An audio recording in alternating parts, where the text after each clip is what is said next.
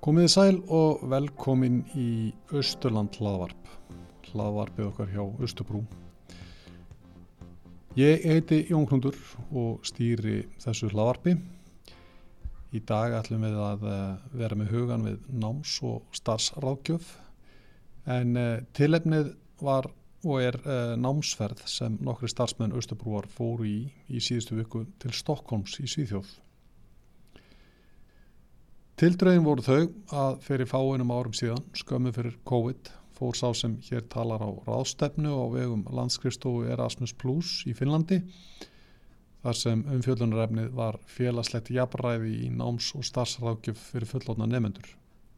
Á ráðstefnunni hlítum við á náms- og starfsráðgjafan Daniel Heili Marjam en hann er, eins og nafni gefið til kynna, af ethiópskum uppruna en fyrir lungu orðin sænskur. Í erindinu fjallaði hann um reynslu sína ráðgjöf við umflýtendur, engum flótafólk. Erindið var áhrifaríkt, mögulega vegna þess að Daniel gætt tala um þessi mál af persónleiri reynslu því að hann hafði sjálfur komið nauður rétturúmlega tvítur og þurfti að finna sér stað í sænsku samfélagi. Sem og hann gerði en í dag reykur hann ráðgjafa skristofu auk þess að hann sinnir uh, kjenslu og ímsu öðru. Að ráðstefnunni í Finnlandi lokinni sóti Östubrúum Erasmus styrk til námsferðar í Svíþjóð til að hitta Daniel.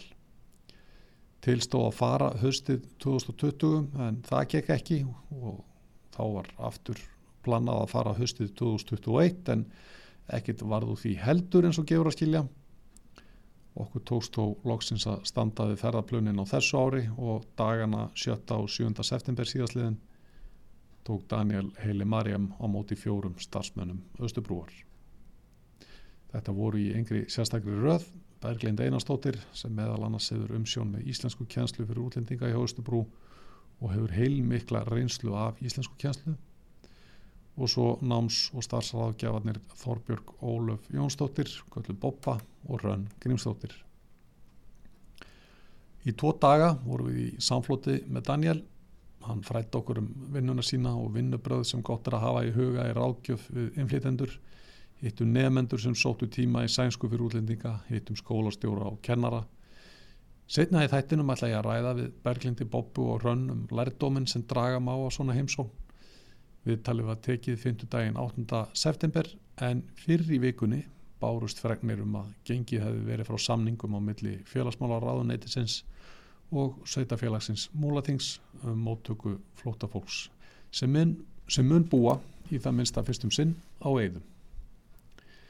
En ég ætla að byrja á að spila hér upptöku af spjalli sem ég átti við Daniel Heili Marjam um námsrákjöf, vinnu með inflýtendum en ég byrjaði á að spyrja hann um það hvernig á því stóð að hann flutti til Svíþjóðar árið 1984 I'm Daniel Hailamariam originally from Ethiopia and uh, I came to Sweden 1984 the winter of 1984 and um, actually two reasons uh, what brought me to Sweden number one is that I was um, brought up by a Swedish mother and her Ethiopian husband.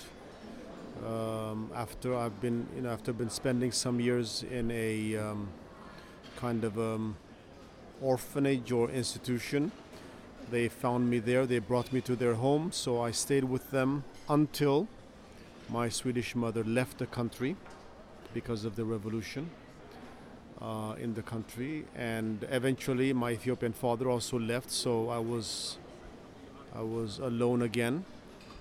But then I managed to come to Sweden 1984.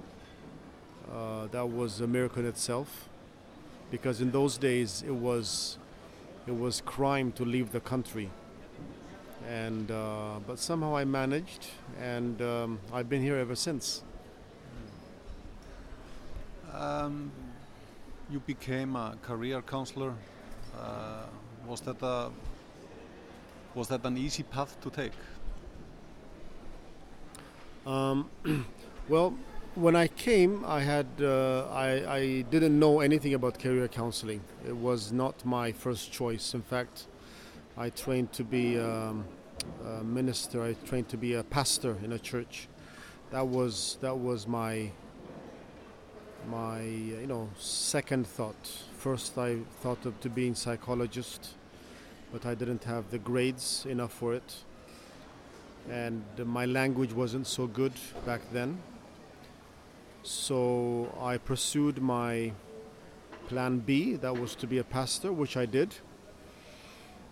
Um, and then something happened as I was working as a pastor about 10 years into my into my ministry that I just uh, felt that um, I really wanted to work with with uh, people on one-to-one level. I wanted to work with um, with counseling so much and not so much church leadership or not so much preaching from the pulpit.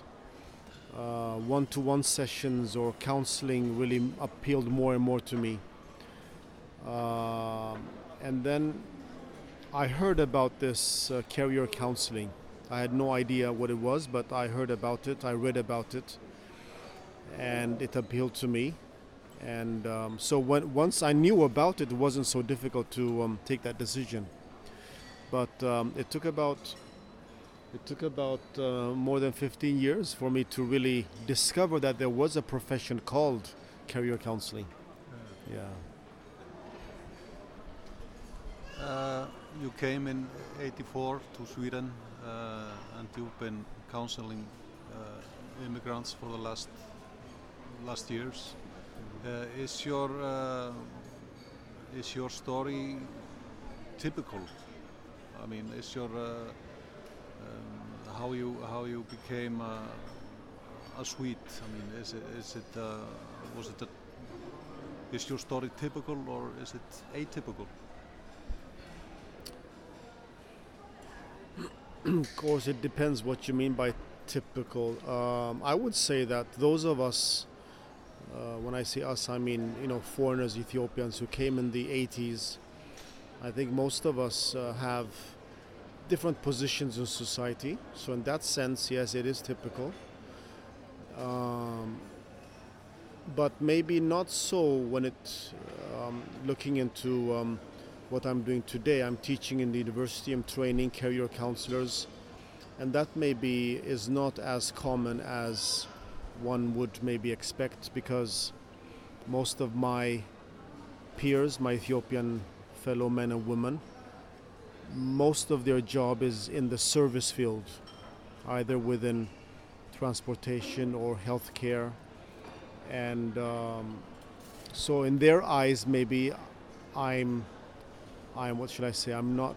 I'm I'm an exception in their eyes. I've I've succeeded so well in their eyes, but I would say, if we talk about typical being, you know, coming to a new country, learning the language, and um, getting some training and having an income, a stable income, I would say it's it's typical. Yes, because most of us who came in the 80s we're there now. We, we run our, you know, we, we have the income to run our own family. Uh, in that sense, it is typical. But again, maybe compared to my fellow men and the field I'm working in, maybe it's it's not not so common. Uh, what I'm what I'm seeing now, though, is when we talk about the second generation immigrants, I'm seeing more and more of the second generation going into the field of social work they're social workers, and we also find many in the field of nursing. So, so um, somehow, somehow, what they've learned from maybe from the first generation journey is that we could not maybe help our kids as much.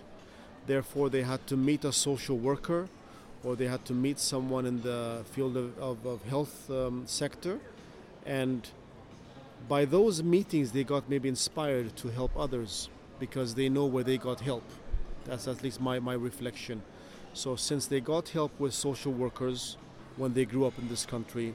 Today they themselves want to be social workers so that they can help other people.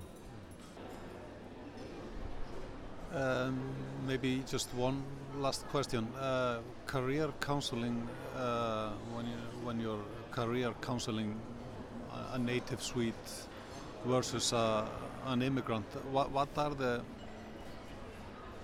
I mean, what are the main differences, or are you approaching uh, the the client, if you will, in the same way, basically? Um, yes and no. I mean, when it comes to professionalism, from my part, I make no no distinction. I mean, the individual in front of me, whoever he or she is, uh, will get a professional treatment. That's that's no problem. But then, when it comes, of course, which questions I ask, what issues I raise, um, and in, and one example would be would be, um, for example, the support mechanism. So a person with maybe immigrant background uh, would probably not have that kind of a support behind him or her because the parents are foreigners themselves. The parents have not gone through this education system. The parents are still mentally back home in many ways. So they they somehow talk to their kid as if as if you know the situation is similar to you know how it was back home. So this person needs different type of treatment and support, whereas a Swede who who um, whether he or she has the support or not, there are other issues where, where, where for example, I want them to be more uh, more realistic because some say I want to have a job where I can earn money.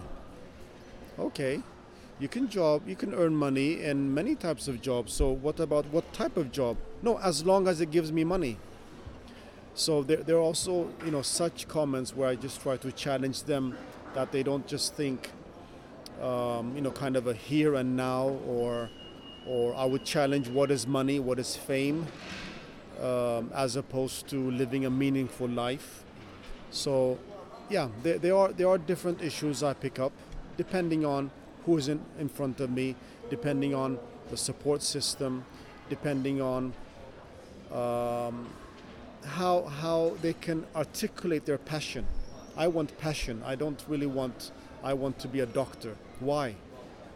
What's what's the passion behind it? I want to be a bus driver. Why? What's the passion behind it? And I just want to help them to put words to it. Um, and once they can, once they can put words to the passion, and then we can look for, okay, what kind of job or profession can help you, you know, fulfill these passions. Yeah.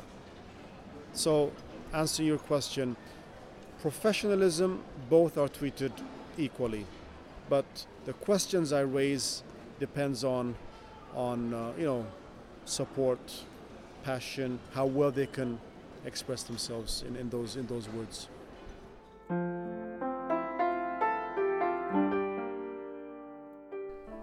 Ég heiti Berglind Einarsdóttir og ég bý á Djúbavogi og ég er með B.A. í íslensku og, og söngkennari líka og ég starfa á verkefnastjóri hjá Östubrú við að sjá um eða halda utanum íslensku fyrir útlendinga og svo er ég síð líka um þróa íslensku kennslu.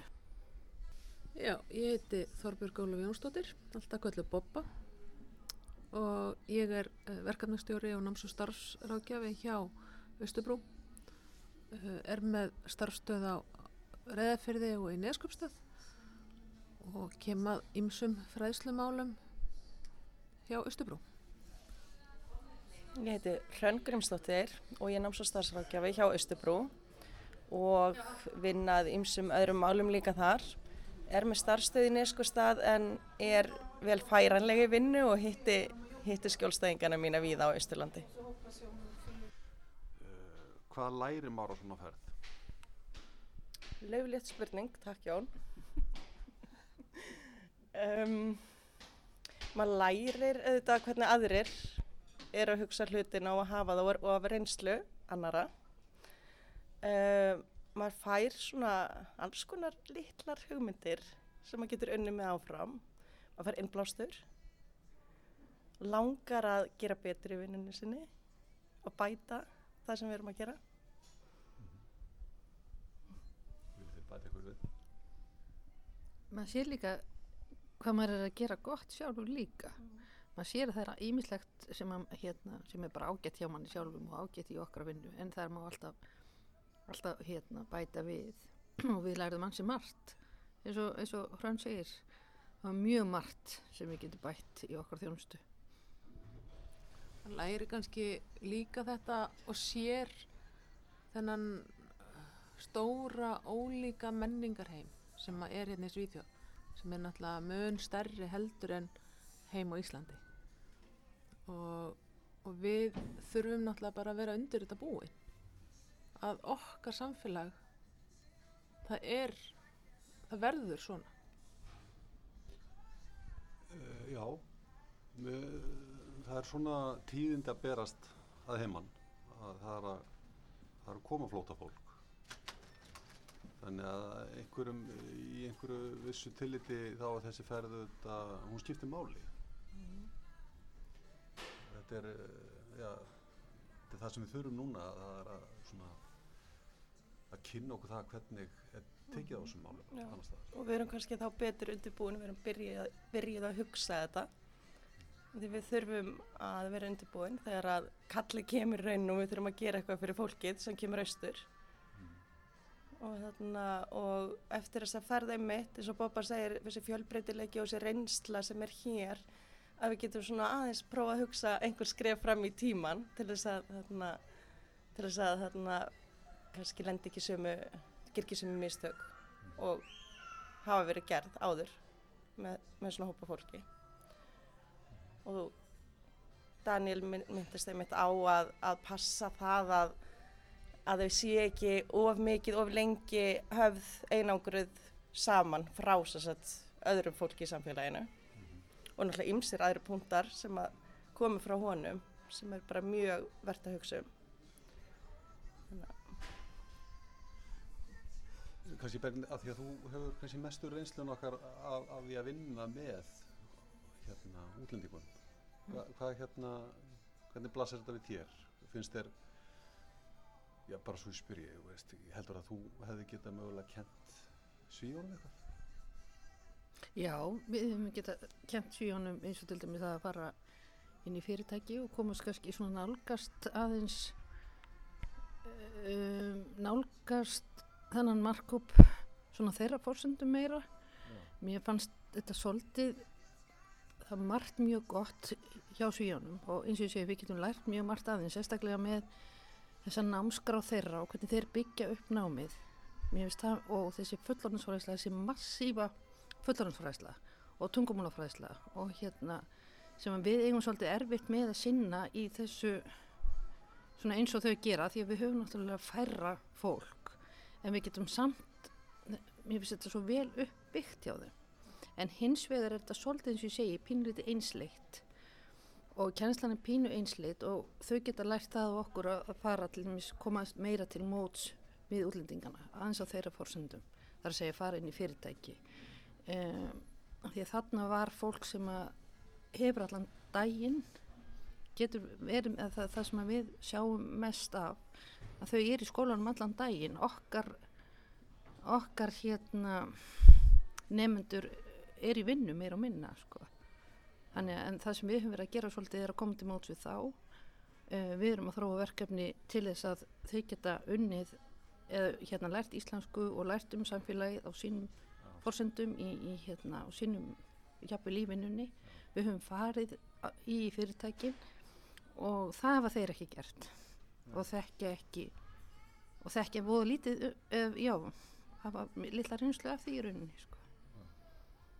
en hérna Svo var líka mjög gaman að sjá eins og kynningunni heimsókninni sem fórum í, í skólan að það eru hérna, þeir segja það að bestu kennararnir til þess að kenna sænskuna séu innflytjendurnar sjálfur vegna þess að þeir eru búin að læra málfræðina kerfisbundið á meðan að svíjarnir eiga stundum erfiðara með að segja af hverju er þetta svona eða svona eða svona Akkurat, þannig að þetta fannst mér vera mjög góðu punktur og þeir voru með þarna uh, kennara sem vo voru innflytjendur og voru annar sem við hittum, hann var með kennararéttindi og hinn var að, að, að ná sér í kennarréttindi en hafði verið með kennarréttindi í sína heimalandi. Já, einmitt. Og þetta er mjög góð búntur hérna hjá Bobbu og, og við höfum aðeins gert tilhörinu með þetta og hafa reynst vel. Og við áttum okkur ekki á, að því að við erum svo innmálfurðið í tungumáli, við áttum okkur ekki alveg á hvaða að eins og hérna, eins og bara með kynin, svo tölum aðeins um það, að, og, og, og tölurnar, okkur finnst ekki mála að læra tölurnar, það er auðvaldast í heima að læra tölurnar, 1, 2, 3, 4 og svo er það kynin. Og hérna klukkan er til dæmis hún, en klukkan er ekki ein og klukkan er ekki tvær, klukkan er eitt og hún er tvö. Og við áttum okkur ekki á þessu en þetta, útlendingarnir áttu sig á þessu. Og þannig að þau læra þetta, nei hérna kenna þetta svona öðruvísi heldur en við gerum. Og átta sig á hvar skóin greppir og hérna þess vegna held ég að við þurfum að ný- að nýta okkar fólk, við með fullt af flottum einstaklingum. Og eins og pólverja sem búin að, hérna, búin að vera lengi á Íslandi. Sem að við gætum nýtt, nýtt betur. Og fólk var frá, frá fleiri löndum. Og við þurfum líka að svona læra af þeirra reynslu. Já. og hérna og, og nýta okkur það og það gera svo hérna vel. Og það svona styrti okkur í því, þessum tilhörnum sem við höfum verið að gera undanfærin ár hjá Östubrú þannig að það var svona margt gott sem við lærðum við vorum að hitta sem sagt uh, náms- og starfsrákjafa Daniel, Heili Marjam og þið Bobba og Hrönn, þið eru starfs- og námsrákjafar var eitthvað í hans nálgun sem kom ykkur spánstur sjónir eða er, er, er það stöðlu vísindi? Hvernig er hvernig er fólkið gefið ráð? Nei, það kom okkur ekki á óvart og ekki spánst fyrir sjónir en það var svolítið gaman kannski þar sem við höfum lært báðar og höfum verið að nýta okkur í vinnu. Það er svolítið gaman að hitta mann sem að hefur svona mikla reynslu á þessu ákveðna sviði að þurfa að setja sig inn í mjög ólíkan menningarheim og nálgast fólk frá því hvar það er statt. Svona eitthvað sem við höfum, auðvitað við þurfum alltaf að gera en ennþá meira þegar það er fólk frá allt öðru menningarheimi og það getur verið áskorun og það var kannski svolítið gott svona að hann vissi hvar maður ætti að draga mörkin í Já. að aðlagast eða í að, já, nálgast einstaklingunum frá þeim stað sem hann kemur frá eins og hann gaf sjálfur dæmi að þeir eru alveg ákveðnir því að það kemur einstaklingur sem að vill ekki tala við konu Já. að þá er það ekki, það er ekki búaði að segja þetta. En hins vegar er nálgast þeirra þetta og svona reyna að, að já, nálgast einstaklingana á alls konar öðrum sviðum en sem stær dragað bara mörkin af því að þeir þurfa að aðlagast sam samfélaginu í Svíþjóð. Þannig að það er svona hlutir kannski sem hjálpa manni. Bara heyra í svona miklum reynslu bolta eins og hann er og hann talar svo fallega um fræðin og nálgunina og svona, já. Góða endurmentun að hitta svona, Já, það var það nefnilega. Mjög. og, og, og líka eins og þessi með menningar heimana að, að það eru mismunandi áherslur heiman frá sem að þarf að hafa í huga og þarf að kannski stundu þarf að, þú veist, að vinna á móti þeim vegna þess að það er einstaklingurinn sem að er í ráðgjöfinni sem að skiptir máli það er ekki fólkið heima fyrir sem að er að býða eftir honum eða það er, það er hann sem að skiptir máli þessi einstaklingur. En að gera það eins og sagði í skrefum alls ekki að fá þannig einstakling sem kemur frá samfélagi þar sem að fjölskyldan og samfélagi skiptir öllu máli. Já. Að ekki að fara beint í að spyrja hann spurninga hvað vilt þú, hver eru þínir draumar. Heldur svona byrja á því að nálgast fjöl, frá fjölskyldunni og svona skilja hvað hann kemur og hvaðar áherslur eru þar í samfélaginu hans og fjölskyldun og svo smám saman að leiða það inn í þessar spurningar sem þessir einstaklingar eru kannski bara aldrei vanir því að hafa að svara, hvað vil ég? og svo var líka svolítið þetta merkilegt eða þú veist eins og sagði það eru svo margir sem að eru með þú veist plan A. Já, þegar þeir koma til landsins. Plan A er, er þú veist þetta. En svo bara verða þeir að fara kannski bara í plan B eða plan C vegna þess að að þeir þurfa að byrja á því að bara fá innkomi bara vinna við eitthvað sem að þeir, þeir vilja ekkit endilega fara að vinna við af því að þeir þurfa að byrja á því að fá innkomi inn á heimilið eh, til sín. Og þegar það er svo komið að þá geta þeir farið að vinna í, í, hérna, í sínum aðal svona draumaplönum. Þannig að við þurfum líka að vera svolítið meðvituð um það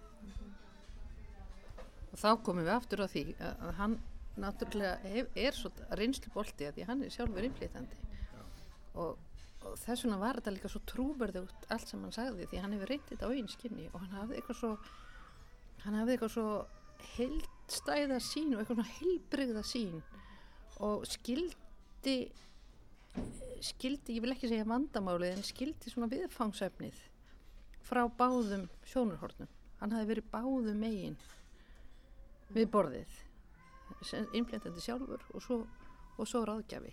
Þá komum við aftur að því hvað er mikilvægt fyrir okkur að, nýta okkur þess einstaklingar sem hafa þessa reynslu og, og, hérna, og leita til þessa fólks sem að hafa komið til Íslands. Hvort sem það er tungumónulega síðan eða það bara vera útlendingur á Íslandi, vera innflytandi á Íslandi eða flótamæður á Íslandi. Það er það sem skiptir svo mjög máli og, og, og hérna hann hann er svo gott dæmi um það. Bæði kannski með þetta eins og segir að þá án auðveldar að maður skilja hvaðan fólk er að koma og þessar hindranir og líka fyrir fólkið sem að er að leita aðstöðar að þá kannski auðveldar að maður tengja við þá þannig að ráðgjafa að því að hann, og hann er kannski ákveðin fyrirmynd líka. Já. og eins og hann sagði að hann byrjaði að vinna við skúringar Vist, hann fór, hann ákvaði að vera ekki eins og margir vinnir hann sem að bara um, vildu ekki eins og þeir töldu sko að leggjast svona lágt að vinna við þetta. Og þeir í staðin eru þá bara í dag á félagslega kerfinu. Hafa aldrei unnið sér inn í samfélagið. En nú búum við í litlu samfélagi. Við búum á Östurlandi og það búa 5-6 þúsund manns á svæðinu sem sem, sem við bú, vinnum og störfum í uh, leifum og störfum í uh, sko við höfum ekki þennan lúksus að geta valið úr hópi náms og starfsrákjafa við höfum fáa sem geta syndið þessum hlutverkum og þeir verða að geta að tala við alla. Uh, veist, er þetta er þetta eitthvað sem þið upplifið í ykkar vinnu að að skjólstæðingurinn að hann finnst ykkur ekki trúverður ágjafi því að þið eruð á öðrum aldri kona. Sílið hvað það er að fara? Mm, Já. Ég held ekki.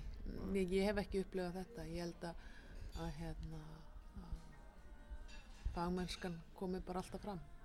Já. Og, og, hérna, það já, ég, ég hef allan ekki séð þetta sko. Nei, þetta gæti hins vegar við höfum svo lítið verið að sinna flóta fólki ég held að þessi þar helst sem að maður myndi lenda í þessu. Eh, kannski, innflytjandir það er svolítið öðruvísi þegar þeir koma á einn fórsendum en þarna og það sem ég hef verið að sinna þeir hafa alls ekki, þeir hafa það hefur alveg þarna gengið ágætlega en þar finnum maður helst samt þessast tókstrætu sem gæti orðið af bara mjög ólíkum menningar heimum en nei.